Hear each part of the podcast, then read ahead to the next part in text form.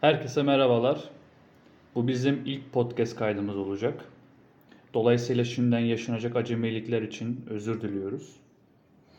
Bugünkü konumuz tarih bölümünün akademik süreci üzerine, tarih öğrenciliği üzerine olacak.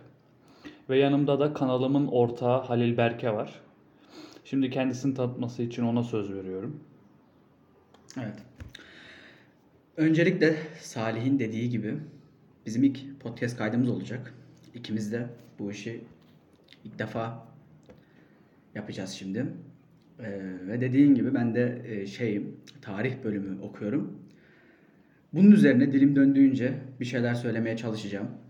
Ee, tabiri caizse biraz ahkam keseceğim. Boş boş. Böyle e, devam edecek. E, Salih'in bana hazırladığı sorular var ve ben bu soruları bilmiyorum. Evet, e, kesinlikle soruları karşı tarafa vermedik çünkü biz bu kanala asla AK Parti milletvekilinden kimseyi almayacağız. Dolayısıyla soruları bilmeyecek karşı taraf. Ben ilk soruyla başlayayım en iyisi. Aynen. Güzelce bir sokacağız ilk sorulardan. Hocam, tarih kazanacak bir adam. YKS nasıl çalışmalı? Evet. Şimdi 60 bininci olarak bize bunu bir anlat sözelde. Evet. Öncelikle tam adamına sordu Salih bu konuları. Ama Çünkü- şöyle bir şey var. Şimdi yani ilk defa bir sınava girdikten sonra o işin tecrübesini edindikten sonra insanlara deneyimlerini aktardığında gerçekten o insanlar üzerinde bazı başarı etkenleri oluşturabiliyorsun. O yüzden bence söylenmesi gerekiyor bu durum. Evet. Hem o hem de eğer böyle dinleyen, tarih isteyen ya da sosyal bilimler isteyen diyelim. Hani insanlar sözelde falan ya nasıl olur, sıralamamıza nasıl gelir ya da nasıl çalışmalıyız diyorlarsa öncelikle ben şunu söyleyeyim. Eğer ben 60 bin yaptıysam siz nereye istiyorsanız muhtemelen kazanırsınız. Daha iyisini yaparsınız. Onu söyleyeyim. Ya öncelikle hani çok şey gibi olmasın bu. Vardı ya böyle YouTube'da falan. Ee, YKS rehber nasıl kanalları falan nasıl, nasıl kazanırım falan. Ha, çok ona döndürmeden ben birazcık buna değinmek istiyorum.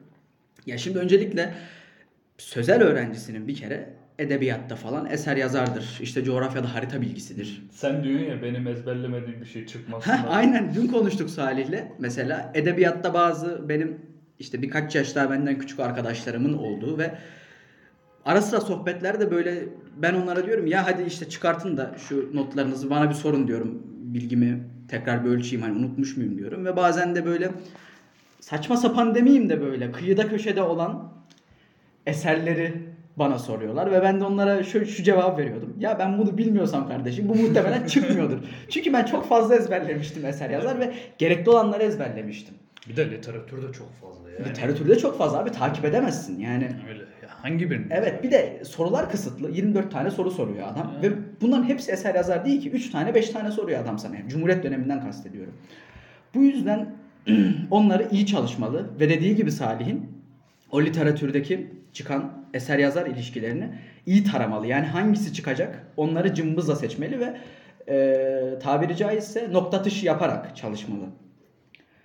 E, zaten işin şey tarafına girmiyorum. E, paragraftır, bilmem işte neydi, cümlede anlamdır falan. Bunlara çok girmiyorum. Zaten sözel öğrencisiyim dediğiniz zaman bunları yapacaksınız yani bir şekilde. O yüzden bunlara girmeye gerek yok. Ekstra olarak, artı olarak şunu söyleyebilirim ki e, bir 10 tane matematik bence sizin istediğiniz yere e, götürür. Yani 10 matematik- tane 10 tane bir TYT yapılması iyi olur. Matematik üzerine. Evet ben yapmadım ama ya düşün ben yapmadan 60 bin yaptım. Siz yaparsanız ne olur? Bir de yani motivasyonunuz bu Yani olsun. matematik sözel direkt yukarı mı atıyorsun? Direkt atıyor abi. Yani Boğaziçi'ne falan gidenler mesela ben e, Anadolu Üniversitesi tarih bölümü okuyorum. Boğaziçi'ne giden adamlar 15 tane matematik yapıyor. Ha, ama şöyle TYT, şey, AYT'si de adamın 70-75 tane AYT yapması gerekiyor. Çok. Ama matematik tarafından artısı var.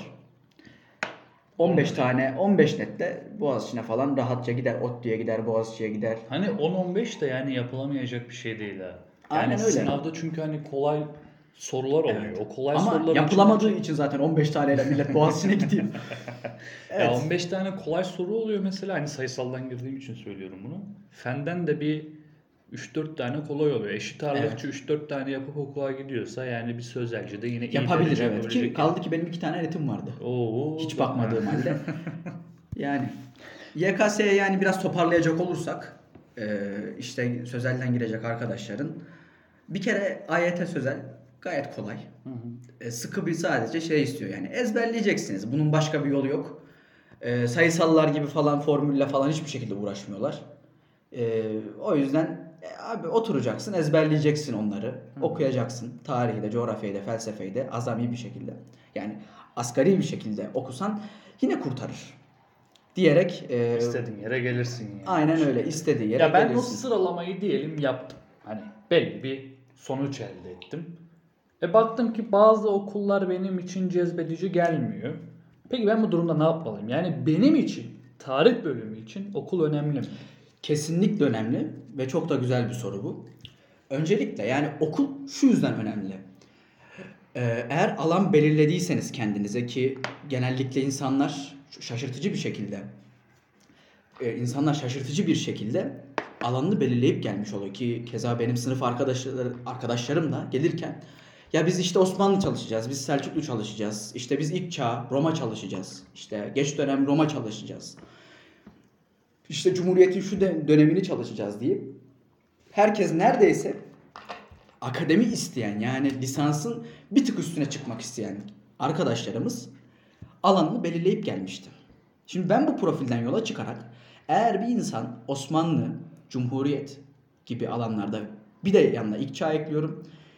Ee, bunları bu alanları bu dalları çalışmak isteyen arkadaşların tercihleri kesinlikle Eskişehir, Ankara e, ve İstanbul önceliği olmalı diye düşünüyorum.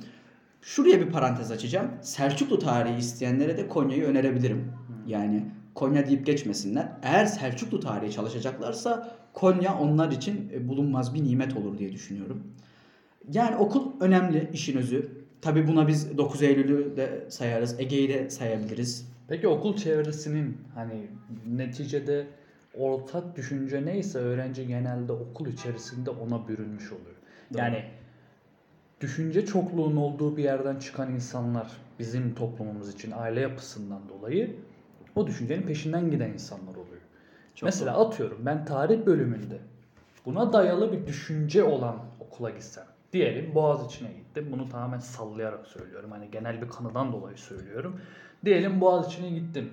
İkinci gün elime Selahattin Demirtaş pankartı alıp özgürlük diye bağırır mıyım mesela? Yani bunun için bunun için de tarihin o etkisi. Çünkü sözel bir bölüm neticede. Evet. Böyle bir düşüncesel yapımı oluşturmak için de bir üniversiteye ihtiyaç duyar mıyım? Örnek absürt. Örneğin saçmalığına bakmadan soruyorum ya. Bu soru ciddileşebilir ama neticede bir podcast yerinde sıkmak istemiyorum. Evet. Hani böyle bir olayda yine okulu öne çıkartır mıyız? Ya daha demin şimdi dinleyenler için söyleyeceğim bunu. Şimdi daha demin biz bir konu konuştuk. Çok kısa konuştuk ve ben orada Salih'e bir şey söyledim. Şimdi bu konuyla bağımsız bir konuydu ama cevaplar aynı. Abi inisiyatif almak gerekiyor. Yani insanın inisiyatif alması gerekiyor. Yani o posteri sallamanın sen kötü bir şey olduğunu bir şekilde zihni kantarda tartıp onun kötü bir şey olduğunu senin farkına varman gerekiyor. Yani orada senin o okula gittiğin zaman çoklu düşünceye değil de biraz senin kendi inisiyatifinle bir şeyler yapman gerekiyor. Orada e, senin verimli yani daha seni böyle ileriye taşıyabilecek hocalarla bir şeyler yapman gerekiyor. Yani biraz pragmatist davranmak gerekiyor. Yani sen onu bir inek gibi düşünün. Yani çok şey bir örnek oldu ama abi onu sağacaksın yani etinden sütünden faydalanacaksın. Yani bu tip bu tip olaylara tarih okuyorsanız girmeyin. Çok fazla politik mevzulara girmeyin. He. Tabii belli bir gör- belli bir görüşümüz olsan, olsun. Fırat tarihte olsan Evet. atıyorum paso, ülkücülük, cart yurt işte Evet. MHP, Bozkurt. Evet. O hesap takılacaksın yani. Başka çaren yok. Başka çaren yoksa abi o zaman çok basit gitmeyeceksin öyle bir bölüme. İşte okulun tercihi de bu. Okul tercihi zaten burada devreye giriyor. Yine bizim dediğimiz konuya geliyor. Okul tercihi o yüzden önemli. Yani Fırat'ta da gidip de bir zahmet tarih okuma. ya da Hakkari'ye de gidip Van'a da gidip kimse kusura bakmasın. Gidip de orada bir zahmet tarih okuma. Hı hı. Eminim ki orada çok değerli hocalar var. Bundan gayet eminim. Ve iyi hocalar da tanıyorum. Böyle İç Anadolu'da, Doğu'da falan böyle tek tük ama. Hı hı. Yani varsa daha fazla da kusura bakmasınlar artık. Ama iyi hocalar var fakat sadece bir hocayla kalmıyor bu iş. Yani o yüzden diyoruz ki biz İstanbul, Ankara, Eskişehir, İzmir nispeten tercih olarak e, ön sıralarda olsun diye boşuna demiyoruz. Peki Eskişehir üzerinden bakarsak sizin okulunuz bu durumda nerede? Evet. Nerelere koyarsın okulunu? Güzel bir soru tabii yine. Okulum öncelikle Bunu ben en azından öğrencilik kapasitesi altında Evet. da düşünelim. öğrenci profili. O da olur, o da Tamam. olur. Ve hepsini kapsayalım. Tamam, yani tamam. kategorilendirmeye Tamam gerek yok. gayet güzel. Öncelikle benim okulumda e, hocalarımın gayet bilgili olduğunu söyleyebilirim. Yani e, bu zamana kadar neredeyse çoğu hoca en az 4 3'ü girmiştir benim dersime. En az 4 3'ü girmiştir. Ve ben de tutup da hiçbir zaman şunu dememişim. Ya bu hoca da ne anlatıyor ya işte hiç hiçbir şey öğrenmedim falan. Nasıl aldın bu ünvanı? Kasaptan mı aldın bu ünvanı? ya da ne bileyim yok bedava dağıtırken denk mi geldin falan demedim hiçbir zaman. Çünkü gayet yeterli insanlar. Özellikle kendi okulumdan örnek verecek olursam yani ilk çağ çalışmak isteyen bir insan için bulunmaz bir nimet benim okulum. Hı. Yani hocalarımızın e, Grekçe bilmesi, e, orta çağcılardan, orta çağcıları da kastediyorum. Grekçe bilmeleri, Latince bilmeleri, işte Frikçe bilen hocalarımızın olmaları Ki Türkiye'de bunları ki Türkiye'de kesinlikle bunlar fazla bulamazsınız. O yüzden burada büyük bir artıdır ki bölümümüzde bizim Farsça, Arapça, Osmanlıca, Türkçesi, Latince, Grekçeyi iki farklı hocadan alabilme şansınız var. Yani Fransızca, Rusça keza onlar da var. Yani bol dil öğrenebilme ya da dillerle tanışabilme en azından başlangıç seviyesinde böyle bir imkan veriyor okul. Ve hocalar da yani siz mesela ilk çağya meraklısınız ne bileyim e, Filik sahasını incelemek istiyorsunuz. Filik uygarlığını incelemek istiyorsunuz. Ki bizim isim de vereceğim Hakan hocamız da bu konuda zaten uzman Hakan Sivas. E, tutup hocam ya böyle böyle ben işte Filiklerle ilgili tabletler istiyorum işte anıtlar istiyorum örnekler var mı elinizde dediğiniz zaman size seve seve verir. Ya da tutup da ee, Bizans tarihçisi e, Nilgün hocamız var. Ee, bu bu da bu hocamız da mesela e, numizmatik alanında uzman. Yani hocam ben paralar üzerinde bir çalışma yapmak istiyorum, istiyorum dediğiniz zaman e, size seve seve yardımcı olur. yani akademik ego yok hocam. Akademik ego yok ve hocam ben bu alandan altına sığmıyorlar. kesinlikle bir de yani hocam ben bu alandan devam etmek istiyorum. Bana yardımcı olun dediğiniz zaman hoca yeter ki sizde o, heve, o hevesi görsün. Yani bu bizim Cumhuriyet tarihçi hocalarımız için de geçerli. Yani bu örneklerimizi çoğaltabiliriz. O yüzden bizim okul yani ben şunu diyemem. Bizim okulumuz işte DTFC'den iyi, ODTÜ'den iyi, Boğaziçi'de kim, işte Hacettepe'yi de böyle solladık, işte Ege Üniversitesi'nde şöyle geçtik falan. E, tabii ki diyemem. Her okul kendisi için değerlidir. Kendi içinde değerlidir. Ee, oradaki akademik kadroda, oradaki öğrenci profilde kendi içinde değerlidir. Ben sadece diyorum ki e, eğer ilk çağ çalışacaksanız, eğer Cumhuriyet tarihi çalışacaksanız ama artı şuraya da bir parantez koyayım. Ee, tabii eğer Ankara Üniversitesi'nde puanınız yetiyorsa oraya gidin Cumhuriyet tarihi için. Ama ilk çağı istiyorsanız ve nispeten yani Osmanlı tarihi de isterseniz e, bizim okula gelebilirsiniz. Ki ben şöyle bir şey var. Kendi üzerimden örnek vereceğim. Ben Cumhuriyet tarihi çalışacağım. Buradan da söyleyeyim. Cumhuriyet tarihi çalışacağım. Ben mesela Eskişehir'de çalışacağım. Kendi hocalarımızla çalışacağım. Ki gayet değerli insanlar. Gayet akademik yeterlilikleri olan insanlar. Ve literatüre çok önemli eserler kazandırmış ve hala kazandırmakta olan değerli hocalarımız da var. Bunu da söyleyebilirim ve bizim yine bir artı parantez açacağım şurada. Ee, hocalarımızın genellikle konularını incelediğiniz zaman Anadolu Üniversitesi'nde e, yani kendi hocalarımızın kendi bölümümüz için söylüyorum. Çok böyle e, renkli konuların olduğunu söyleyebilirim. Böyle çok alışılmışın dışında farklı farklı e, makaleler göreceksiniz ve bunu gerçekten bölümle hiç ilgisi olmayan insanların bile okuya yani okuyabileceği seviyede makaleler oluyor. Yani keyifli oluyor. Bunu da ekleyebilirim. Ya işte dediğimiz gibi aslında biraz da tehlikeli bir dal tarih. Çünkü iş imkanı kesin olarak bakıldığında en düşük profil çizen bölümlerden bir tanesi tarih. Kesinlikle. Yani polis akademisinin %80'ini şimdi tarih bölümünden Evet. mezun adam oluşturuyor amına koyayım. Yani Evet. öyle bir durum da var. Tabii doğru. Dolayısıyla biz bu bölümden çıktığımız zaman kendi alanımızda çalışmak istiyorsak hangi meslek dallarında yönelmemiz lazım? Mesela Bu alanda yönelmek istiyorsak tarihte bilememiz Güzel. gerekiyor. öğretmen mi olacağız? ha evet. Yoksa bir müzede mi çalışacağız? Gayet güzel. Araştırmacı Evet, mı doğru. olacağız? Rehber mi Tamam. olacağız? Bize Gayet güzel. Nasıl bir yol çizebilir? Gayet güzel. Öncelikle dediğin gibi yani bizim okullara nispeten diğer işte örnek verdiğim Fırat'tır, Hakkari'dir, Van'dır. Çok yüklendik bu üçüne ama biraz başka da Diyarbakır'dır falan sayalım. Şimdi bu tip okullarda dediğin gibi asıl polis akademisine oraya adam yetiştiriyorlar. Yani bizim okulda Ya da biraz yedek daha... subay olup askerde kalırsa. yani, yani böyle şeyler olabiliyor. Ama bizim okulumuz hani nispeten bizim tabiri caizse şö- şöyle söyleyeyim. Bizim okulda tarihin yolunu yordamını öğretiyor adam sana. Yani usulünü, metodunu, e, pencere bakımından yani çok geniş bir pencere, çok farklı bir perspektifte çıkıyorsun. Zaten onu sen bilincinde oluyorsun. Ya ben ne yapabilirim? İşte dediğin gibi rehber mi olayım ya araştırmacı mı olayım, arşivci mi olayım? İşte akademiden mi ilerleyeyim?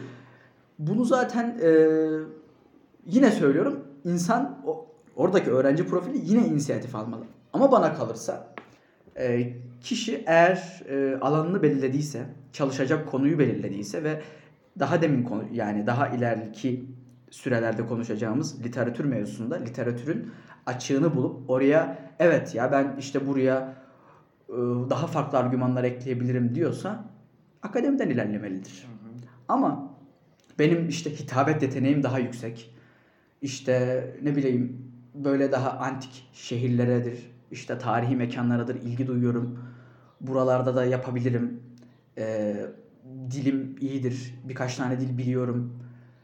Dediğin zaman tabii bu rehberlik de olur. Arşivlik de olur. Yani rehberlikte arşivlikte zaten fark şudur. Birinde sahayı gezdiriyorsun insanlara. E, diğerinde insanlardan izole bir şekilde belgelerle baş başasın. Yemin ederim ikinci daha güzel. Kim uğraşacak oğlum insan? Yani uğraşan da var abi sonuçta. Kıyamet ama birazcık tabii o turizmcilerin işi ama sonuçta tarihçiler de yapabilir bunu. Çünkü o altyapıyı zaten sana bölüm verdiği için. Böyle diyebiliriz, özetleyebiliriz yani. Hmm. Ya aslında bir meslek dalı olarak da kazanmak dışında yani mesela ben bir memurum abi diyelim. Tamam. Vergi dairesinde memurum. Sikimin keyfine gidip de mesela ben ikinci üniversite olarak ya da ben entelektüel seviyemi arttırmak istiyorum. Tarih bölümünü okuyabilir miyim? Okumalı mıyım? Tabii ki de e, okunmalıdır bu arada. Yani eğer böyle bir heves varsa zaten okunmalıdır ki halihazırda bizim bölümümüzde de var. Yani gerçekten böyle ortalama bir sıralama yapıp gelip de sadece meraktan ya da dediğin gibi ikinci üniversite olarak okuyan birçok Peki, arkadaşımız o kişiler, mevcut. O kişiler entelektüel bir insan olarak çıkıyorlar mı? Tarih bölümü insanı entelektüel yapar mı? Tarih bölümü insanı entelektüel yapmaz. Çünkü bizim ilk başta hani bir laf var ya çocuk doğarken ölü doğuyor.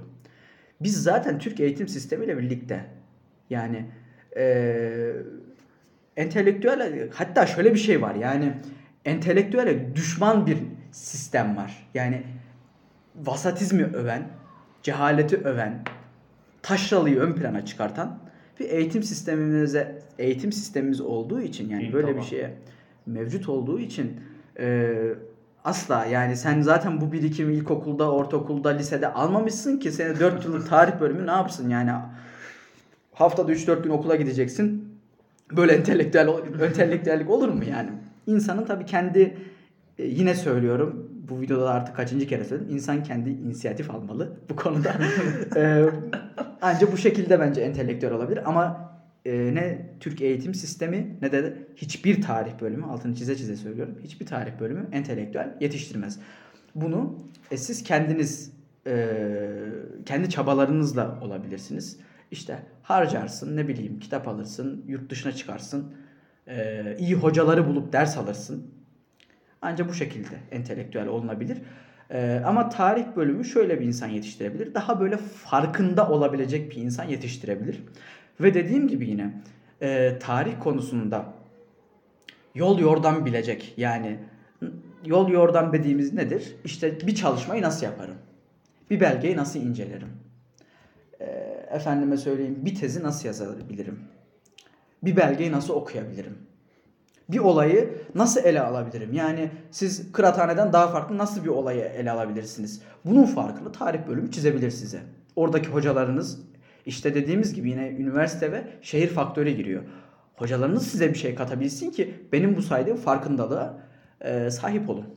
Yani bu da aslında insana bir seviye katıyor. Katıyor tabii yani ki katıyor. kattığı seviye fakat bizim o bahsettiğimiz birikimlerin oluşturduğu bir şey değil. Değil. Yani modern toplumda yaşayacak bir insanın seviyesinin çizgileri aslında. Kesinlikle. Yani ben sözel bölümlerin önemini orada fark ediyorum. Bir insanın gerçekten toplum içerisinde hangi seviyede olması gerektiğini gösteriyor. Sayısal bir bölüm öyle değil. Tek başına yaşayabilirsin sayısal bölümde. Hiç toplum umurunda bile olmayabilir. İşini yapar kenara çekilirsin.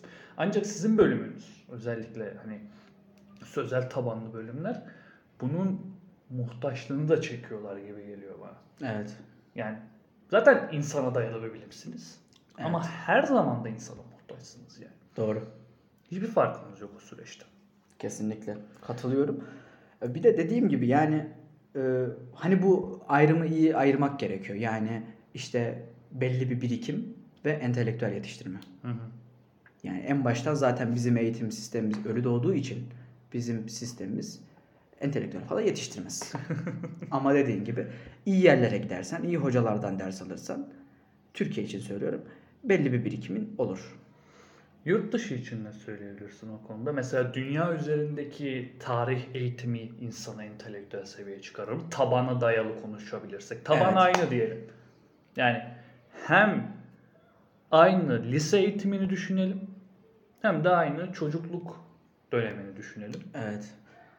Ya şimdi şöyle eğer tabana dayalı bir şey olursa mesela şu an mevcut sistemden bahsedebilirsek e, ABD'de, Fransa'da, İngiltere'de, Almanya'da falan illaki entelektüel tarihçiler çıkar ve çıkıyor da hala hazırda ki Türkiye'de bile şöyle söyleyeyim ben.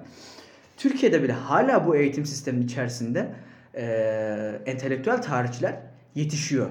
Yani Türk eğitim sistemine rağmen hala entelektüel birikimi olan evet Büyük mücadeleyle. büyük mücadeleler vererek hala entelektüel tarihçiler çıkıyor zaten. Kan aldı. Ve bugün de yani şunu söyleyeyim. Ee, mesela Cemal Kafadar Hoca var. Oxford'lu tarihçi. Kimse belki bilmiyordur. Yani çoğu ama camiada gayet e, hem meşhur hem de saygın bir insandır Cemal Hoca. Aynı şekilde çok daha farklı uç bir örnek vereceğim. Kütahya'da Altay Tayfun Özcan Hoca var. Yani ya da işte bizim bölümümüzde işte Erkan İznik var mesela. Böyle insanlar da var. Ee, bu eğitim sistemi bu şekil yani bir şekilde entelektüel tarihçiyi de kendisine rağmen var edebilmiştir. Hı hı. Yani peki bu insanların serüveni açısından konuştuğumuzda lisansüstü düzeye hiç değin- değinmedik. Yani peki lisansüstü düzeyler hangi hedefler için gereklidir? Ve tarih bölümünde lisans üstünde yaşanacak akademik sıkıntılar nelerdir? Bunun üzerine Evet. de konuşalım biraz istiyorum. Evet, öncelikle zaten e, herkesin malumu ekonomik şartlardan dolayı bir kere kaynak erişimi bakımından kitaplar pahalı. Yani bu önceden de pahalıydı ama şimdi daha bir baş edilemez bir şekilde pahalı. PDF oku. Yani oku şimdi şöyle e, yurt dışından diyelim kitap getireceksin. PDF'i de yok. İşte o çözümün olmuyor yani. Sözün özü bu yani. Bir de hele ki dövize dayalı bazı kitaplar getirtmek zorunda kalıyorsun. Ya da ne bileyim e, kitabın baskısı olmuyor. Adam yazmış 1000 lira 2000 lira yani. Normalde 40-50 liralık kitaba yazmış. E şimdi sen nasıl yani lisans üstünde daha iyi çalışma çıkartırım diye uğraşırken böyle engellerle karşılaşa e, biliyoruz. Peki iletişim yayınları nasıl?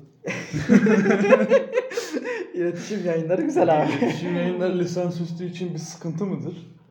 Yo değildir. Niye olsun ki? Niye abi o kadar pahalı kitap mı olur koyayım? Ama- 30 sayfa kitabası 90-80 lira amına koyayım. E tabi o da yayın evinin takdiridir ona bir şey diyemeyiz. ona bir şey diyemeyiz abi. Aman Osman Kavalazı. Ben de bir söyleyeyim. Evet. Salih bizim podcast yayınlayınca siktirecek buradan anladık. ya ekonomik sıkıntı hani her dalda Evet. var yani. Ama şu şu sorun bir şeye gitmesin onu da cevaplayayım. Yani li- lisansüstü düzeyde e, işte lisansüstü düzeydeki tarihçiler işte neye amaçlar? Bence bu konuda bizi de dinleyen kişiler hem fikirdir. Herkes bence saygın bir akademisyen olmayı amaçlar diye düşünüyorum. Yani gerçekten karakterli ve cemaatle alakası olmayan insanlar bunu düşünür. Diğer insanlar nasıl düşünür onu bilmem yani ama eee, bunu yani lisansüstü düzeyde yola çıktığınız zaman ya ben şeyde olmalıyım diyebilmeli insan. Ya benzersiz ve gerçekten orijinal bir çalışma yapıp e, sivrilmeliyim. İnsanlar beni tanımalı ya da ne bileyim gerçekten tarih literatürüne bir şeyler katmalıyım şiarıyla çıkıp e, bu şekilde yükselebilirler. Ki bu şekilde insanların yükselmesi lazım zaten diyorum. Ama maalesef günümüzde e, ben bu saydıklarımı değil sadece bir bulanık suda torpil görüyorum. Başka da hiçbir şey görmüyorum. İşte, Ya da nutuk atacak adamlar yetişiyor genelde. evet genellikle öyle maalesef. Ya da erk kimin elindeyse onun düşüncelerine dayalı üretim var Evet. tamamıyla.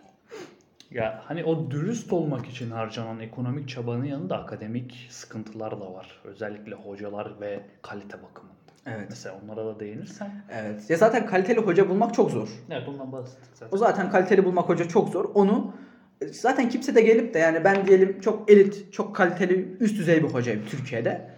Ben tutup da sana demem ya Salih geldi hadi birlikte yüksek lisans yapalım, doktora yazalım falan demem. Senin gidip bulman gerekiyor. Bulman lazım. Bunu senin gidip bulman gerekiyor. Yani bugün baktığımız zaman Ya kimse seni keşfedemez o kadar Kesinlikle ya. Yani ki bir de şöyle bir şey var. Yani bugün baktığımız zaman mesela tarihte tarih dediğim zaman Türkiye'de tarihçilik dediğimiz zaman iki tane isim akla geliyor. Birincisi Halil İnalcık, ikincisi İlber Ortaylı. Yani e, hani bunu niye böyle örnek veriyorum? Hani burada dinleyen insanlar da bilsin diye. Yoksa çok daha yani yine eşdeğer değerde çok daha ya yine iyi tarihçilerimiz var bizim. Onu da söyleyeyim. Ee, onlar bile mesela yani iyi hocaları gidip buluyorlar. Onlara bile kimse demedi ki ya oğlum gel işte hadi doktora yazalım birlikte sen de işte Halil İnalcık ol sen Dilber Ortaylı ol demedi. Onlar da gidip e, ha onların da zamandaki imkanlar falan bambaşka mevzu hiç o konulara girmiyorum. Ama onlar da gidip kaliteli hocayı buldu. Ya da işte Emrah Safa Gürkan. Mesela değil mi? Halil İnalcık'ın öğrencisi. Yani gidip Emrah Safa Gürkan kendi buldu. Bunu da söyleyebilirim. Yani kaliteli hocayı kendiniz bulacaksınız. öyle. Oyun parkında değiliz ki biri Evet. elimizden tutup Bir de dediğin gibi bir sürü insan var abi. Yani Öyle. seni kim nasıl fark etsin? Sen ilk başta kendi potansiyelini kendini göstermen gerekiyor. Yani emek olmadan da yemek olmaz. Öyle sivrileceksin. Evet sivrilmek gerekiyor. E, bunda nasıl yapabilirsiniz? Ee, tabii partiye üye olmadan. Ee, çok çalışarak yapacaksınız. İşte bol dili öğreneceksiniz. Ee, alanınıza gerçekten iyi olacaksınız. Aranan isimlerden olacaksınız. Yani e, sınıfınızda bile ya işte bir konu dönünce ya durun şunu da işte bir Halil Berke'ye soralım. O bu alanda niye anlar? Demeli insanlar sizin için. Ya aslında hani biz işin doğayeni insanlardan hep bilim yarış işi değildir öğrendik ama Evet. akademi yarış işidir. Yani. Akademi yarıştır ve rekabettir yap- yani kesinlikle. Ne yaparsan yap yarış işidir. Evet. Rekabetle, mücadeleyle geçen 4 yılın olacak yani. Evet. Mecbursun o. O olmazsa hiçbir şey elde edemiyorsun. Evet. Yani mesela sadece bununla da bitmiyor. Zorlu bir süreç aslında. İnsanın gerçekten kendini buna adayabilmesi lazım. En basitinden dedin ki ekonomik olarak kaynak sıkıntısı var. Evet. Ha, mesela bu mevzu çok önemli. Evet. Bir de bir artı daha bir şey ekleyeceğim. Lafını unutma. E bir de diyelim doktora yapıyorsun, yüksek lisans yapıyorsun abi. E bir de senin geçinmen var yani. Doğru. sonuçta öğrenci gibi yine yiyeceksin, içeceksin, kira mı ödeyeceksin, yurt mu ödeyeceksin. E bir de maddi olarak geçinmen gerekiyor asgari şekilde. Yani senin karnın tok olabilmeli ki sen iyi bir tez yazabilesin. Kredi alıyorsun. İyi bir ödev. Heh, iyi bir ödev yazabilesin. Ama bunun için senin rahat olman gerekiyor. Yani senin zihninde başka bir şey olmaması gerekiyor. E sen e, diyorsan ki ya işte bugün de tavuk döner yiyemedik. E bu şekilde iyi bir çalışma zaten çıkmaz. İnsanın ilk başta karnının tok olması gerekiyor. Manita yapmaman lazım. Çok para gidiyor oraya. Evet Bir buradan. şekilde bir şekilde oradan çok yiyorsun ya. Ya işte diyorum ya ekonomi gerçekten çok önemli. Hani kredi alsam bile o krediyi çatır çatır geri ödüyor. Evet. Yani hala düzenleyemedi ona dair Ki bir bizim şey. hani bir indeks paylaşmışlar geçen gördüm. Türkiye'de işte ekonomik bağımsızlık indeksi insanlarda ortalama olarak e, çok çok mesela düşük yine. En düşük ülkelerde ülkelerin arasındayız yine mesela şaşırtmayan bir şekilde. Hı, hı. Yani hem yine mülk sahibi olmak mesela değil mi bizim ülkemizde öyle bir durum var. Bir taban var %10'luk %15'lik bir taban var. Adamda 40 tane 50 tane daire var. 10 tane 15 tane apartman var. Bilmem kaç tane araba var. E bakıyorsun asgari ücretli de adamın çalışmış 30 yıl 40 yıl çalışmış. Hiçbir şey yok. Bir tane çöp bile yok yani.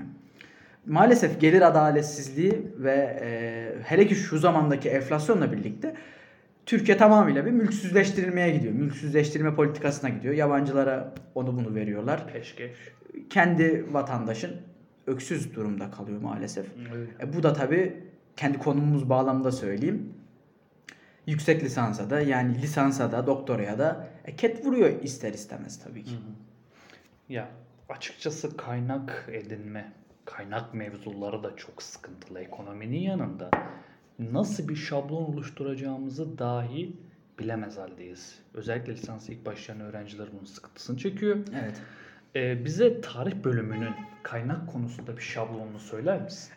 Şöyle söyleyeyim. Keşke hani böyle YouTube'da program falan olsa da böyle bilgisayardan sunum olarak getirsem tabii daha iyi anlaşılır. Ama şöyle söyleyeyim zaten birinci sınıftan bunun eğitimini e, zaten birinci sınıfta bunun hani eğitimini e, bazı üniversitelerde veriyorlar.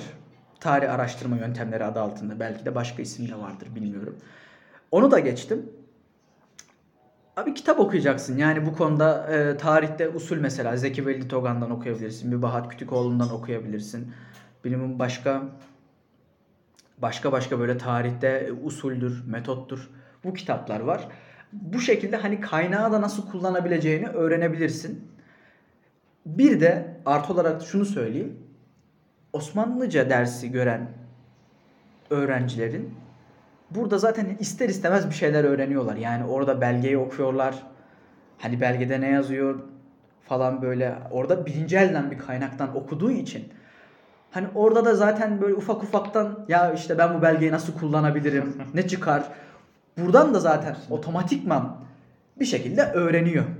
Ama şunu söylemem gerekirse e, zaten biliyorsunuz bizim kaynaklarımız birinci elden ve ikinci elden kaynak olarak ayrılır. Birinci elden kaynaklar e, dönemini yansıtır. Dönemin döneminde yazılmış kaynaklardır. Mesela işte örnek verirsek bugün Orhun abideleri birinci elden kaynaktır.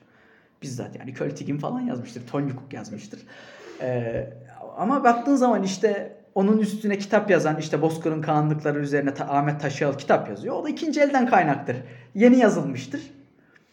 O da ikinci elden kaynaktır. İşte zaten yine e, konuştuğumuz ilk başlardaki konuya geldi. İşte yolu yordamı öğrenmek budur. Yani birinci elden kaynağı nasıl kullanırsın? İkinci elden kay- ikinci elden kaynağı nasıl kullanırsın? Bunu zaten sana tarih bölümü veriyor. Vermese bile senin bir şekilde bunu alman gerekiyor. Eğer sen e, lisansüstü düzeyde devam etmek istiyorsan bunu zaten senin bir şekilde alman gerekiyor. Hocalar da zaten kaliteli hoca da burada zaten devreye giriyor. Sana yol gösterir. İşte şu şekilde kullan. Bu belgeyi de buraya koyabiliriz. Bu şekilde kaynak yönetiminde yapabiliriz diyelim. Aslında bu kitap okuma mevzusunda şeye de değinmek lazım işte. Kitaplığındaki bütün kitapları okudun mu? Okumadım amına koyayım çocuğu. Yani ben bütün kitapları okumak zorunda değilim ya. Evet. Daha demin oturuyoruz işte Ali Berke'yle kütüphanesinin Muzaffer diye bir arkadaşı geldi. O geziyor. Kanka diyor bunların hepsini okudun mu diyor. Evet. Mesela. Yani Nasıl okuyayım? Nasıl okusun abi Yani adam? niye okuyayım ya da? Niye okusun? Evet. İşine yarayacak bölümü alıp bırakması lazım. Yani kitap dediğimiz şey oturup da siz saatlerce sayfalarını çevire çevire hava hava dediğiniz bir şey değil. Evet. Bu bir ihtiyaçtır. Evet. Yani biz hani çocukluğumuzdan beri rehber ya da o Türkçe öğretmenleri yüzünden çok çekiyoruz bu mevzuyu. Evet. Kitap okuyun da okuyun okuyun da okuyun. Ya tamam oku. E nereye varacaksın? Varman gereken bir yer olması lazım. Sindiremezsin ki o zaman. Kesinlikle katılıyorum. Ya Boş bir de bu gelip roman değil ki abi. Hani tiyatro bir Shakespeare Molière okumuyorsun ki. Öyle. Ya da ne bileyim bir Yaşar Kemal okumuyorsun ki. Hani bunlar okusan zaten baştan başlayıp değil mi? Evet. Okuyacaksın teker teker. Şimdi yani Ama sen- bir akademik kitap, bir tarihi bir kitap hele ki bizim bölümde böyle Bismillah deyip başlayıp da ilk baştan başlayayım işte birden başlayayım 500'den çıkayım diye bir mevzu olamaz. Orada senin ihtiyacını alman gerekir. Çünkü öteki türlü hadi ben bu şekilde okuyayım derseniz hem zaman kaybı yaparsınız hem de o zamanda 5 tane 10 tane kitap sığdıracağınız yerde tek bir kitap üzerinden fişleme yaparsınız. Çalışmalarınız aksar. Öyle ya Osmanlı iktisat tarihi ya aman ol hepsini okudum ne yeme yarayacak? Yani orada ihtiyacın olanı alman gerekir senin bir şekilde. Ki bu yine bence e, metot bilmeye de yine girer bence yani Doğru, bu işin evet yine başta bahsettiğimiz konular hani biraz açıldıkça bence daha iyi anlaşılmaya başlıyordur. Bu şekilde de örnek iyi oldu. Yani işte dediğim gibi bölüm üretkenlik açısından çok size yatkınlık sağlayabilecek bir bölüm. Evet. Ama dediğim gibi metotları bilmek lazım. Evet. Mesela üretkenliği nasıl sağlar? Ben bir tarih bölümü ya da tarih bilimcisi olarak nasıl üretken olabilirim? Yine güzel bir soru geldi. Öncelikle şu şekilde sağlanır. Öncelikle e, seçtiğiniz e, tarihte bir bölümü yani ilk çağcı mısınız, orta çağcı mısınız, cumhuriyet misiniz? Buna göre e, seçtiğiniz bölümde literatürü iyi analiz etmeniz gerekiyor. Oradaki açıklıkları görmeniz gerekiyor. Ya da eksiklikleri bir şekilde görmeniz gerekiyor. Ya da ne bileyim e, karşı argüman da olabilir. Karşı argüman da sunabilirsiniz.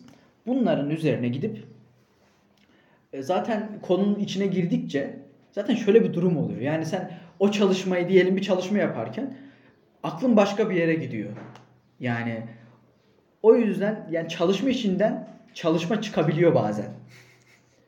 Üretkenliği sağlayabilirsiniz çünkü gerçekten çok fazla konu var. Çok fazla inceleme, incelenebilecek konu var. Çok fazla incelenebilecek belge var. Çok da fazla ka- tarayacak kaynak da olduğu için bence e, üretkenlik bir şekilde sağlanır. E, siz yeter ki bu işi severek yapın. Siz yeter ki bu işi isteyerek yapın, canı gönülden yapın ve gerçekten bu işte iyi olun. O zaten e, onun üretkenliği sonradan gelir diye düşünüyorum ben. Açıkçası bu çalışmalarda dünya literatürüne girebilmek için dilin önemi nedir? Bir de bunun Dilin üzerine konuşalım. harika bir soru. Dilin önemi şöyle. Yine e, öncelikle şunu söyleyeyim ben. Gerekli dilin önemi olması gerekiyor. Şimdi siz diyelim ki Selçuklu tarihi çalışacaksınız. Selçuklu üzerinden ilerleyeceksiniz. E abi Arapça, Farsça gerekiyor yani. Hani Arapça, Farsça öğrenmek gerekiyor. Çünkü o dönemin belgelerinde, kaynaklarında Selçuklu'yu falan inceleyecekseniz ya da o bölgeyi inceleyecekseniz İran taraflarını inceleyecekseniz eee, ya da ne bileyim Orta Doğu taraflarını inceleyecekseniz e, Arapçayı Farsçayı da bilmek gerekiyor. Bu yüzden dilin önemi fazla. Dediğin gibi bir de şimdi o dilde senin bir çalışma vermek vermen var. Yani İngilizce bir şekilde çalışma vermen var. Türkçe bir şekilde çalışma vermen var. Yani bu aldığın atıf sayısına da atıf sayısı da farklı olur. Senin tanı, tanınırlığın daha farklı olur. E, tezine görülen rağbet bile farklı olur. Yani o yüzden e, çalıştığın alana göre mesela diyelim ilk çağ çalışacaksınız. E, antik Grekçe ile de bir zahmet şeyi bilin yani. Latinceyi bilin. Diye düşünüyorum. Peki bölümün İngilizce, Türkçe olması burada nasıl değişiyor? Mesela Fırat tarihte okusan Türkçe, tamam Anadolu tarihte Türkçe ama Evet. yani mesela Anadolu ile Fırat arasındaki fark akademik. Onu geçelim. Anadolu'nun Türkçesiyle Boğaziçi'nin İngilizcesi akademik farkı gözetmezsek bize nasıl bir sonuç yaratır? E tabi yani şimdi İngilizce uluslararası bir dil olduğu için onun verdiği eğitim daha iyi olur. Dediğin gibi şimdi Fransızca akademik öğrensen? Fransızca mı? E, Fransızca mesela bana şu an şart ki ben zaten biliyorsun giriş seviyesinde Fransızcam var. Evet, evet. Ee, ki Cumhuriyet tarihinde çalışacağım için e, Fransızca da bilmek zorundayım yine benim. Sike sike. Evet. bir diğer tabirle de bilmek zorundayım. Osmanlıca Türkçesini bilmek zorundayım. İngilizceyi bilmek zorundayım. Hı hı. Benim de kendi bölümüm için gereklilikleri olduğu için ben de bu gereklilikleri yerine getireceğim. Hı hı. Bu yüzden e, dilin önemi şart. Hangi bölümde olursanız olun yani hangi bölüm dediğim yani hangi çağa çalışacaksanız, hangi konuyu çalışacaksanız sizin o dönemin ölü yahut şu an e, konuşulan bir dil olsun. Dilleri bilmeniz gerekiyor. En azından en azından belgede okuyabilecek kadar öğrenmek gerekiyor asgari bir şekilde. Evet. Ya, tabii bu da belli bir seviye yapıyor dili de sonuçta. Hı hı. Belli bir seviyede yani dil bilmek. Dil değil aslında tarih için bir dil yetmez. Diller dediğin gibi öğrenmek önemlidir bizim için ve elzemdir diyelim. Hı hı. Aslında konuyu bu şekilde kapatabiliriz çünkü bu işin akademik sürecine dair birçok mevzuyu konuştuk.